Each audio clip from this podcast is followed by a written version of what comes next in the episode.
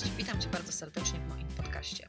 Ja nazywam się Kinga Fromlewicz, a to jest audycja bez szyldu. Audycja dla wszystkich tych, którzy chcą zacząć budować w sposób przemyślany i strategiczny swoją markę eksperta i swoją rozpoznawalność po to, aby zaistnieć zarówno w świadomości obecnego pracodawcy, jak i na rynku pracy. Dzisiejszy odcinek poświęcony będzie temu, jak budować markę eksperta pracując na etacie. Muszę powiedzieć, że to jest chyba najczęstsze pytanie, jakie dostaję podczas swoich wystąpień czy jako komentarze do moich postów kiedy pytacie, jak to w ogóle, czy to w ogóle jest możliwe, żeby pracując na etacie budować swoją markę eksperta. I zwykle pojawia się tutaj e, takie sformułowanie, że szef będzie niezadowolony, albo będzie e, uważał, że robimy mu konkurencję, albo będzie uważał, że jesteśmy nielojalni. I rzeczywiście zdarzają się tacy szefowie. Natomiast to, do czego ja Ciebie zachęcam i co chcę też osiągnąć, nagrywając te podcasty, czy promując budowanie marki eksperta bez szyldu cudzego, to takie zrozumienie również wśród pracodawców. Więc jeżeli jesteś pracodawcą, zatrudniasz ludzi,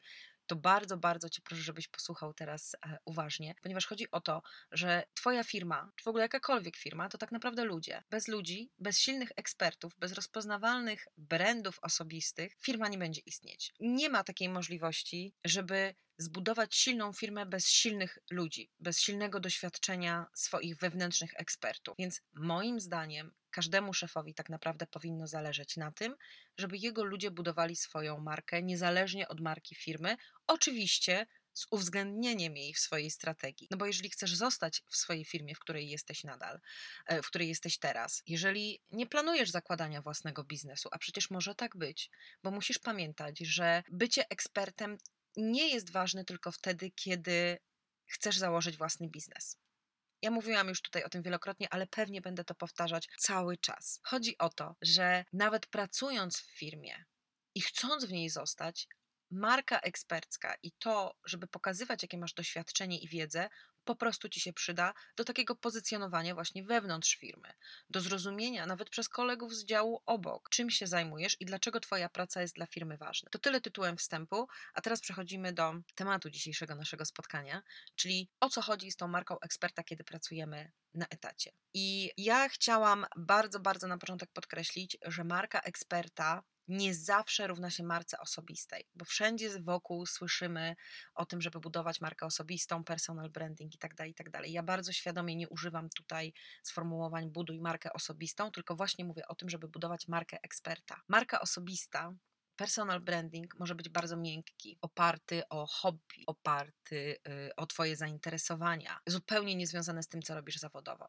Natomiast marka eksperta jest oparta przede wszystkim o Twoje doświadczenie i Twoją wiedzę. Cały jeden odcinek znajdziesz tutaj właśnie o tym, kiedy możemy zacząć mówić o sobie, że jesteśmy ekspertami. Tam właśnie bardzo, bardzo dużo mówiłam e, również o tym, że chodzi o doświadczenie, że nawet nie sama wiedza buduje nas jako ekspertów, ale właśnie doświadczenie i bardzo ważne, żeby to doświadczenie było różnorodne, bo my obrastamy tą wiedzą przez lata pracy i teraz fajnie jest wyciągnąć z tego ten element, na którym będziemy budować swoją rozpoznawalność jako ekspert. To, na co chciałam zwrócić Twoją uwagę, pewnie jeszcze nie raz będę o tym mówić, to fakt, że kiedy decydujesz się na pokazanie się światu jako ekspert, dobrze byłoby, żebyś zapomniał o tym, że istnieje coś takiego jak profil prywatny w social mediach. Bo prawda jest taka, że w znaczącej mierze, właściwie głównie przy budowaniu marki eksperta, opieramy się w dzisiejszej rzeczywistości, w jakiej żyjemy, cyfrowej, na social mediach bądź na swoim blogu, gdziekolwiek się pokazujesz. Ale trzeba pamiętać o tym, że budujesz markę eksperta, tak jak powiedziałam, w oparciu o swoją wiedzę i doświadczenie. I teraz naprawdę uwierz mi, ludzi niekoniecznie, Twoich odbiorców niekoniecznie musi interesować, jakie masz poglądy polityczne. Czy bierzesz udział w czarnych marszach, czy chodzisz w niedzielę na msze. To są Twoje osobiste sprawy. I o ile Twoja marka ekspercka oczywiście nie wiąże się z byciem politykiem, to dobrze byłoby takie rzeczy zostawić dla siebie. O tym, że nie istnieje coś takiego jak profil prywatny w obecnych czasach, pokazuje chociażby przykład pani dyrektor lotu. To była całkiem głośna sprawa jakiś czas temu, kiedy to szefowa personelu pokładowego w locie pozwoliła sobie na swoim profilu skomentować w sposób negatywny wygląd i według niej niskie standardy personelu pokładowego w, u konkurencji. To były British Airlines bodajże. Co się wydarzyło? Okazało się, że wpis pani dyrektor e, nabrał międzynarodowego rozgłosu, ponieważ trafił do jednego albo nawet najbardziej poczytnego bloga y, o lataniu w Wielkiej Brytanii. Efekt był taki, że po kilku dniach ta osoba straciła po prostu pracę i lot totalnie się od niej odciął, mówiąc, że to nie są jego poglądy. Więc zauważ, że o ile fajnie jest budować markę eksperta, wspierając się na przykład mocną marką swojego pracodawcy, o tyle to działa też w drugą stronę. Możesz bardzo łatwo wywołać na przykład kryzys wizerunkowy u swojego pracodawcy, próbując zbudować siebie jako eksperta. Bardzo na to zwracam uwagę i zawsze mówię o tym podczas e, swoich szkoleń i warsztatów, żeby o tym po prostu pamiętać, że wychodząc do świata ze swoją ekspertyzą, eksperckością, no tak naprawdę trzeba zapomnieć o tym, że mamy prywatne, może nie zapomnieć, że mamy prywatne poglądy, ale zapomnieć o tym, żeby je w jakiś sposób bardzo dobitny manifestować. I teraz bardzo ważna rzecz, jeżeli chodzi o budowanie marki eksperta, kiedy pracujesz na etacie. Choć budowanie marki eksperta opartej o doświadczenie wydaje się w sumie dość oczywiste, o tyle muszę Ci powiedzieć, że bardzo często spotykam się z takimi trzema wiodącymi blokadami mentalnymi i przekonaniami, które powodują, że my tego nie robimy. To były również moje blokady, które powodowały, że naprawdę e, jakby start mojej własnej marki pod tytułem Kinga from Lewicz został opóźniony o kilka lat. Mogę tego żałować bądź nie żałować, no ale to się stało, a było spowodowane właśnie blokadami, właśnie przekonaniami i strachami moimi wewnętrznymi. I rzeczywiście, kiedy rozmawiam o tym podczas swoich warsztatów z uczestnikami, to mają dokładnie to samo. I bardzo fajną rzecz ostatnio usłyszałam od uczestnika mojego warsztatu we Wrocławiu na Career Expo, który wysłuchał, wysłuchał i na koniec powiedział: Masz rację i ważna rzecz, bo o tym się często zapomina. Strach przed porażką, strach przed ośmieszeniem nie ma płci i dotyczy zarówno kobiet, jak i mężczyzn. Też warto o tym pamiętać, żeby nie, nie wpadać w jakieś takie stereotypowe myślenie. No ale właśnie, już powiedziałam ci, e, jaki jest taki najważniejszy strach, czyli strach przed porażką. Jak ja sobie z nim poradziłam? Ja mam świetnego coacha, którym jest mój mąż, który zadał mi jedno proste pytanie. Co najgorszego się stanie, jeżeli ci się nie uda? Jak wtedy zmieni się twoje życie, nasze życie, twój świat? No i wiesz, doszłam do wniosku, że świat się nie skończy. Po prostu spróbuję czegoś innego, może zmodyfikuję to, co robię. Ja w ogóle mam wrażenie, że my bardzo często zbyt wielu sprawom nadajemy wagę porażki, podczas gdy to są tylko trudne lekcje, jakiś trudny przypadek, coś się po prostu nie udało, ale nie nazywajmy tego od razu porażką, bo to od razu nas tak, tak spina i tak szufladkuje, że nie jesteśmy w stanie zrobić kroku. A w popełnianiu błędów po, chodzi po prostu o to, żeby właśnie zrobić ten kolejny krok, pomimo błędu. Ja sobie tak z tym poradziłam. Jeżeli masz jakieś inne fajne sposoby na to, jak radzić sobie ze strachem przed porażką, koniecznie daj mi znać. Bardzo chętnie się tymi sposobami podzielę e, ze słuchaczami w kolejnych odcinkach podcastu. Druga taka blokada to jest taki strach. On mnie, powiem ci, że to chyba był mój największy strach. I on brzmiał: co ludzie powiedzą. Będą się śmiać, będą komentować. Teraz to właściwie nie wiem, co, co ci ludzie mogliby powiedzieć, ale rzeczywiście bardzo, bardzo długo y, gdzieś mi to się działo w głowie i blokowało mnie. U mnie tutaj jakby sposobem na, na, na tę blokadę było po prostu działanie, bo stwierdziłam, no nie przekonam się, co ludzie powiedzą, dopóki nie zrobię. I wiesz co? Okazuje się, że ludzie nie gadają, tak jak my sobie wyobrażamy, że mogliby. To po prostu każdy ma, wiesz, swoje sprawy, swoje życie i jakoś tak no nie żyją do końca życiem innych ludzi, tak jakby nam się, tak jak my sobie to czasem wyolbrzymiamy. No i ostatnia taka blokada, jeżeli chodzi o profesjonalistów, o specjalistów z doświadczeniem, to jest taki strach przed byciem niepoważnym. No bo jak to? Nagle byłam panią w garsonce, byłam panią, która rozmawiała o wielomilionowych transakcjach i nagle wychodzę na live na Facebooku i na nim tańczę albo śpiewam fałszując. No rany boskie co za niepoważna kobieta. Tylko oczywiście ja nie namawiam tutaj nikogo do tego, żeby nagle y, zmienił swoją osobowość y, totalnie, bo to nie o to chodzi. Tylko wydaje mi się, że przynajmniej ja tak miałam, że w sytuacjach takich mocno formalnych, mocno zawodowych, oczywiście my się usztywniamy. Stosujemy dress code i tak dalej, tak? Zachowujemy się w określony sposób. Natomiast w momencie, kiedy chcemy być kojarzeni z danym tematem jako ekspert, ale niekoniecznie akademicko i niekoniecznie w perłach zapięci pod szyję i w sztywnym krawacie, to możemy sobie pozwolić na więcej luzu. I to wcale nie znaczy, że my jesteśmy niepoważni czy mniej eksperccy, to znaczy po prostu nie mniej, nie więcej, tylko tyle, że taki mamy sposób ekspresji i w ten sposób chcemy się komunikować z naszymi odbiorcami. Obok blokad mentalnych, czyli tych wszystkich przekonań, o których właśnie powiedziałam, pojawiają się blokady zawodowe. Ja już trochę o nich wspomniałam na początku, więc nie będę się tutaj jakoś bardzo mm, rozwodzić, ale chciałam je zaakcentować, bo to są najpopularniejsze takie blokady, o których ja słyszę, kiedy mówię ludziom: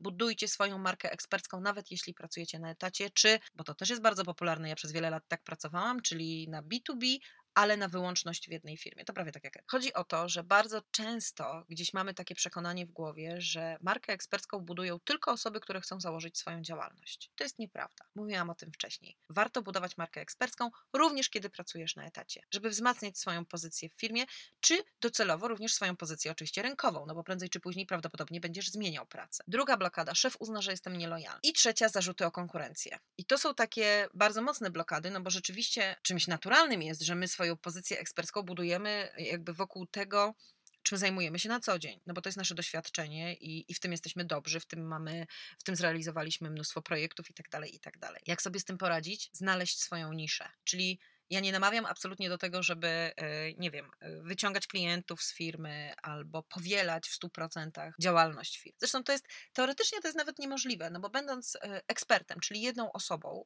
wokół której budujesz właśnie swoją rozpoznawalność, trudno jest zajmować się 50 tematami, tak jak to ma miejsce zwykle w firmie, gdzie jest więcej osób po prostu do ich realizacji. Chcąc, nie chcąc, musisz sobie wybrać swoją niszę, swój temat, swój obszar, zakres swojego działania. I mam dla Ciebie tutaj krótkie ćwiczenie, żebyś podzielił kartkę na cztery części. W jednej części napisał, co mam, druga część to jest, czego potrzebuję, trzecia, czego użyję i czwarta, czego nie chcę. Chodzi o to, żeby sobie rozpisać co ja mam, tak? Czyli jakie mam zasoby, czym ja dysponuję, co chcę, mm, gdzieś co jest dla mnie ważne. I zaraz obok, czego jeszcze potrzebuję.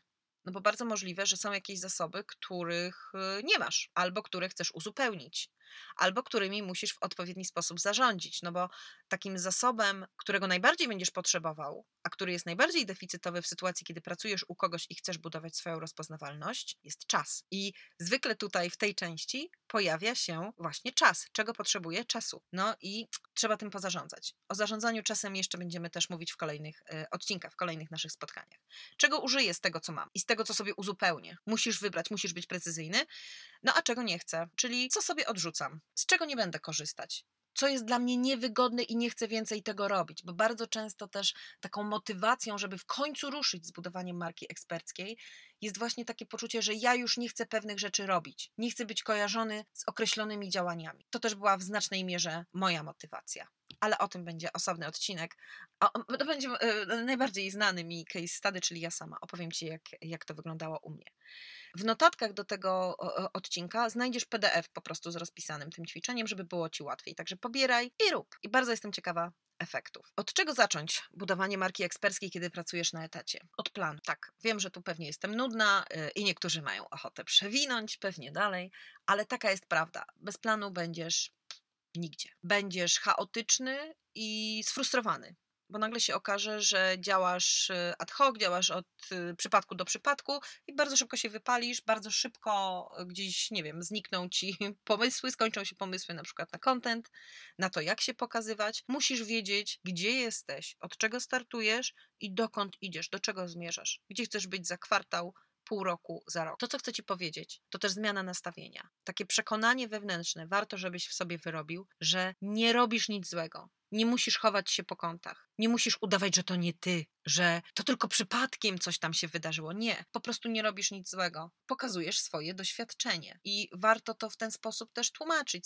czy swoim współpracownikom, czy szefowi, jeżeli ktoś zapyta. Po prostu chcesz się podzielić swoją wiedzą i doświadczeniem. Tyle. To nie jest nic złego. I warto też zacząć, jak już będziesz robił sobie plan i będziesz wiedział, że chcesz to robić, żeby podzielić sobie zadania na mniejsze części. Ja usłyszałam u którejś chyba amerykańskiej podcasterki, nie pamiętam już, chyba u Amy Porterfield, takie fajne porównanie, że ten nasz cel, jakim jest na przykład budowanie marki eksperta w naszym przypadku, wydaje nam się ogromny jak słoń. Wielki słoń, nie do przesunięcia, w ogóle nie do ruszenia, jak skała. No i co ten słoń robi? No przygniata nas, bo waży milion ton i w ogóle po prostu jest ogromny i przesłania nam widok na to, co za nim. I co po to powoduje? Że my się cofamy, że my się zniechęcamy, że myślimy powiemy sobie, nie dam rady, nie mam czasu, na pewno wszyscy się będą śmiać.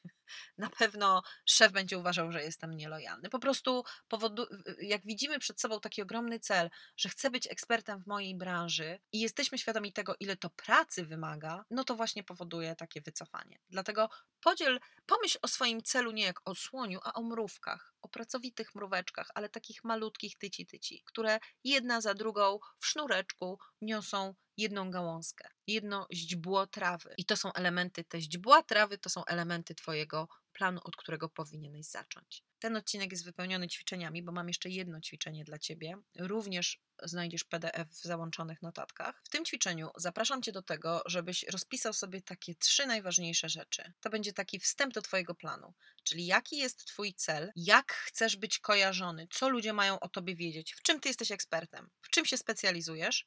Dzięki temu, że sobie to doprecyzujesz, będziesz wiedział od razu, do kogo mówisz, kto jest Twoją grupą docelową. Gdybyś chciał zbudować taki plan, taką strategię ze mną, to oferuję taką usługę w ramach e, mojego mentoringu trzymiesięcznego, one to one, kiedy pracujemy tylko nad Twoją strategią i w tym, gdybyś chciał tak ze mną popracować, to odezwij się po prostu do mnie na maila na kontakt małpa kingafromlewicz.pl albo w listopadzie i w grudniu 2019, bo wtedy jest nagrywany ten podcast, prowadzę szkolenia otwarte. Myślę, że nie ostatnie w ogóle w, w mojej karierze i pewnie będzie ich więcej, ale na ten moment mamy miejsca 30 listopada w Warszawie, i 7 grudnia w Katowicach. I to są warsztaty bardzo ograniczone miejscowo, bo tylko 10 miejsc, właśnie po to, żebyśmy mogli przez cały dzień popracować nad Twoją strategią budowania rozpoznawalności eksperta. Wszystkie szczegóły, linki do biletów znajdziesz pod tym odcinkiem na, e, na mojej stronie kingafromlewicz.pl. Ok, kilka wskazówek, jak zacząć budować swoją markę eksperta na etacie, żeby po pierwsze się nie sfrustrować, że wziąłeś sobie tyle na głowę, no właśnie te mrówki zamiast słonia, ale też, żeby nie wywołać jakichś e, niepotrzebnych komentarzy i na przykład masz dosyć delikatną sytuację w pracy i nie chcesz właśnie, żeby e, gdzieś tam szef się czuł zaniepokojony na przykład. Więc y, chciałam Ci powiedzieć, że na początek możesz od takiego, zacząć od takiego badania terenu, czyli nie musisz od razu, wiesz, mieć swojej strony, podcastu, kanału na YouTubie, fanpage'a, strony, cokolwiek. Bądź aktywny w tych social mediach, w których są odbiorcy Twoich komunikatów, ale w taki sposób reaktywny, czyli komentuj to, co piszą inni, udostępniaj ciekawe artykuły ze swoim komentarzem, po to, żeby pokazywać swój punkt widzenia. To na początek już daje sygnał, że ty jesteś w tym ekspertem, że wiesz o czym mówisz. To jest świetny sposób na to, żeby w ogóle zacząć. Nawet jeżeli nie pracujesz na etacie, a myślisz o tym, żeby zacząć pokazywać się jako ekspert, ale właśnie nie wiesz, od czego by tu zacząć, jaki zrobić pierwszy krok. Bardzo, bardzo zachęcam właśnie do takiego reaktywnego działania. I zobaczysz, że ludzie zaczną dopytywać, zaczną komentować to, co ty powiedziałeś, wchodzić z tobą w dyskusję.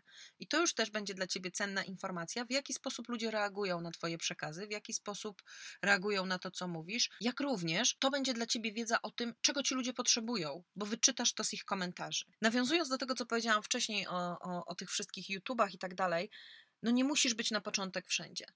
Ja absolutnie nie polecam bycia wszędzie, bo za zawalisz się robotą i będziesz tylko niepotrzebnie sfrustrowany.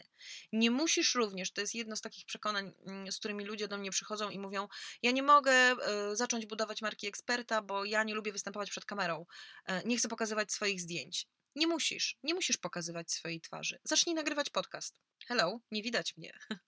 Zacznij pisać po prostu merytoryczne posty, na przykład na LinkedInie. Nie musisz pokazywać swojej twarzy. Nie musisz robić live'ów, nie musisz nagrywać wideo. Jest mnóstwo innych sposobów. Zacznij budować swoją społeczność, na przykład po to, żeby zbierać maile i budować swoją listę mailingową i w ten sposób komunikować się ze swoimi odbiorcami. Nie musisz się pokazywać. Ważne, żebyś pokazywał, że wiesz o czym mówisz, że masz w tym doświadczenie i jesteś ekspertem. Dlatego wybierz formułę, w której czujesz się najbardziej komfortowo i nie funduj sobie wypalenia od startu, bo to jest bardzo niebezpieczne, bo spowoduje to, że się zniechęcisz i przestaniesz działać. I za 4 lata powiesz, kurczę, mogłem być już w innym miejscu, a zaczynam od zera. Dlatego nie warto. Zacznij tu i teraz z tym, co masz. Nie czekaj, aż ktoś się domyśli, że jesteś ekspertem. To jest bardzo ważna e, rzecz, żeby szukać okazji do zaprezentowania się. Oczywiście to jest dla osób, które e, lubią na przykład występować na konferencjach. Ja ostatnio miałam okazję wziąć udział jako ekspert w panelu dyskusyjnym na Career Expo we Wrocławiu i nikt nawet z organizatorów nie domyśliłby się, żeby zaprosić Fromlewicz do panelu, gdybym się nie odezwała do nich i powiedziała: Hej, hello, mam świetny temat, jakim jest właśnie budowanie marki eksperta a wy macie cały dzień poświęcony specjalistom e, z doświadczeniem, więc czemu by tego nie połączyć? I tak pojechałam do Wrocławia, żeby wystąpić na panelu i poprowadzić mini warsztat. I druga, też ważna rzecz, korzystaj z mocy networkingu, ale nie takiego networkingu rozumianego jak wymiana wizytówek i wpychanie wszystkim e, swoich produktów w siebie jako eksperta. Nie, po prostu chodź na różne spotkania, uczestnicz w różnych wydarzeniach. Jest tego totalne mnóstwo. I ja ostatnio doszłam do takiego wniosku, że gdybym chciała chodzić na wszystkie ciekawe wydarzenia, które się organizują w Warszawie i które są bezpłatne, to prawdopodobnie miałabym zapełniony po prostu każdy dzień w tygodniu. Każdy wieczór spędzałabym na jakimś fajnym meetupie, spotkaniu, mini konferencji, mini warsztatach, mini dyskusji. Dlatego korzystaj z tych możliwości, rozmawiaj z ludźmi, pokazuj siebie również w takich właśnie rozmowach, jak to się mówi, kuluarowych, czyli nie do końca formalnych. Mów, nie bój się opowiadać o tym, co robisz, o tym, dlaczego jesteś ekspertem, dlaczego warto z tobą rozmawiać i docelowo warto z tobą współpracować. No i na koniec takie pytanie, które też do mnie bardzo często trafia. No ale co ja mam powiedzieć szefowi? Ja oczywiście ci nie powiem. No, no, to znaczy, nie załączę ci tutaj PDF-a z treścią maila albo treścią rozmowy, co masz powiedzieć szefowi. Ale chciałabym, żebyś zastanowił się nad takimi trzema kwestiami. Y, ja sobie je wynotowałam, bo myślę, że to decyduje o tym, w jaki sposób poprowadzisz taką rozmowę. Czyli jakie masz relacje z szefem? Po prostu. Bo od tego, jakie masz relacje, zależy w jaki sposób będziesz prowadził tę rozmowę. Możliwe, że szefa to zupełnie nie interesuje, wiesz o tym. I macie tak y, relacje oparte na zaufaniu i współpracy i jego przekonaniu o tym, że ty robisz świetną robotę, że w ogóle nie będzie o czym rozmawiać. Wystarczy powiedzieć: Hej, działam, tak? Ruszam z podcastem. Może chcesz posłuchać. Jeżeli masz takie relacje, to ekstra. Jeżeli są bardziej formalne, warto zastanowić się nad tym, e, w jaki sposób i kiedy zakomunikować szefowi, że prowadzisz taką działalność. Bo oczywiście można zostawić wszystko przypadkowi i, i, wierzyć w to, że on na przykład nie zobaczy albo wręcz zobaczy coś, co robimy, ale warto to uprzedzić, tak? I na przykład w trakcie jakiegoś, nie wiem, wyjścia integracyjnego albo rozmowy takiej w cztery oczy, po prostu wspomnieć, że na przykład prowadzisz bloga, czy właśnie zacząłeś nagrywać podcast, cokolwiek. Ale ważne, żeby dostosować to, w jaki sposób chcesz to powiedzieć i kiedy, do tego właśnie, jakie masz relacje z szefem. Druga ważna rzecz, czyli co masz zapisane w umowie. Pamiętajmy, i, I, ja mam tego świadomość, że pracując na etacie bardzo często podpisujemy różnego rodzaju lojalki, zastrzeżenia itd., tak itd. Tak no i tutaj y, jakby warto też sobie sprawdzić, tak, czy nie mamy jakiejś działalności konkurencyjnej wyłączonej i zastanowić się, na ile my jesteśmy konkurencją dla naszego szefa, bo może wcale nie dla naszej firmy, może wcale nie jesteśmy. Ale jeżeli masz takie zapisy w umowie, to tym bardziej warto z szefem porozmawiać. No i warto też, trzecia, ostatnia rzecz, warto też zastanowić się, na ile ty powielasz działania, które wykonujesz między przysłowiową 9 a 17 z tymi, które robisz y, po 18 na swój rachunek. Więc tak, jak widzisz, działanie jako ekspert, nawet pracując gdzieś na stałe czy na etacie, wcale nie musi być trudne i nie musi być przerażające, nie musi być od razu, y, prawda, wyzwalające jakieś negatywne y, emocje czy uczucia. Ważne, żebyś miał plan, żebyś wiedział, do kogo mówisz i co mówisz. I żebyś wiedział, co chcesz wykorzystać ze swojego dotychczasowego doświadczenia i w jakiej niszy chcesz się pozycjonować. Jeżeli potrzebujesz wsparcia w tych pierwszych krokach, czyli w zbudowaniu planu, w zbudowaniu swojej strategii działania, koniecznie się do mnie odezwij. Po prostu nad tym popracujemy. Ja proponuję to w dwóch formułach, czyli praca jeden na jeden przez trzy miesiące w ramach takiego programu mentoringowego, bądź podczas moich warsztatów. I w 2019 masz okazję jeszcze dołączyć e, dwukrotnie do moich warsztatów strategicznych. 30 listopada w Warszawie i 7 grudnia w Katowicach. Wszystkie szczegóły znajdziesz w notatkach do tego podcastu na mojej stronie www.kingafromlewicz.pl.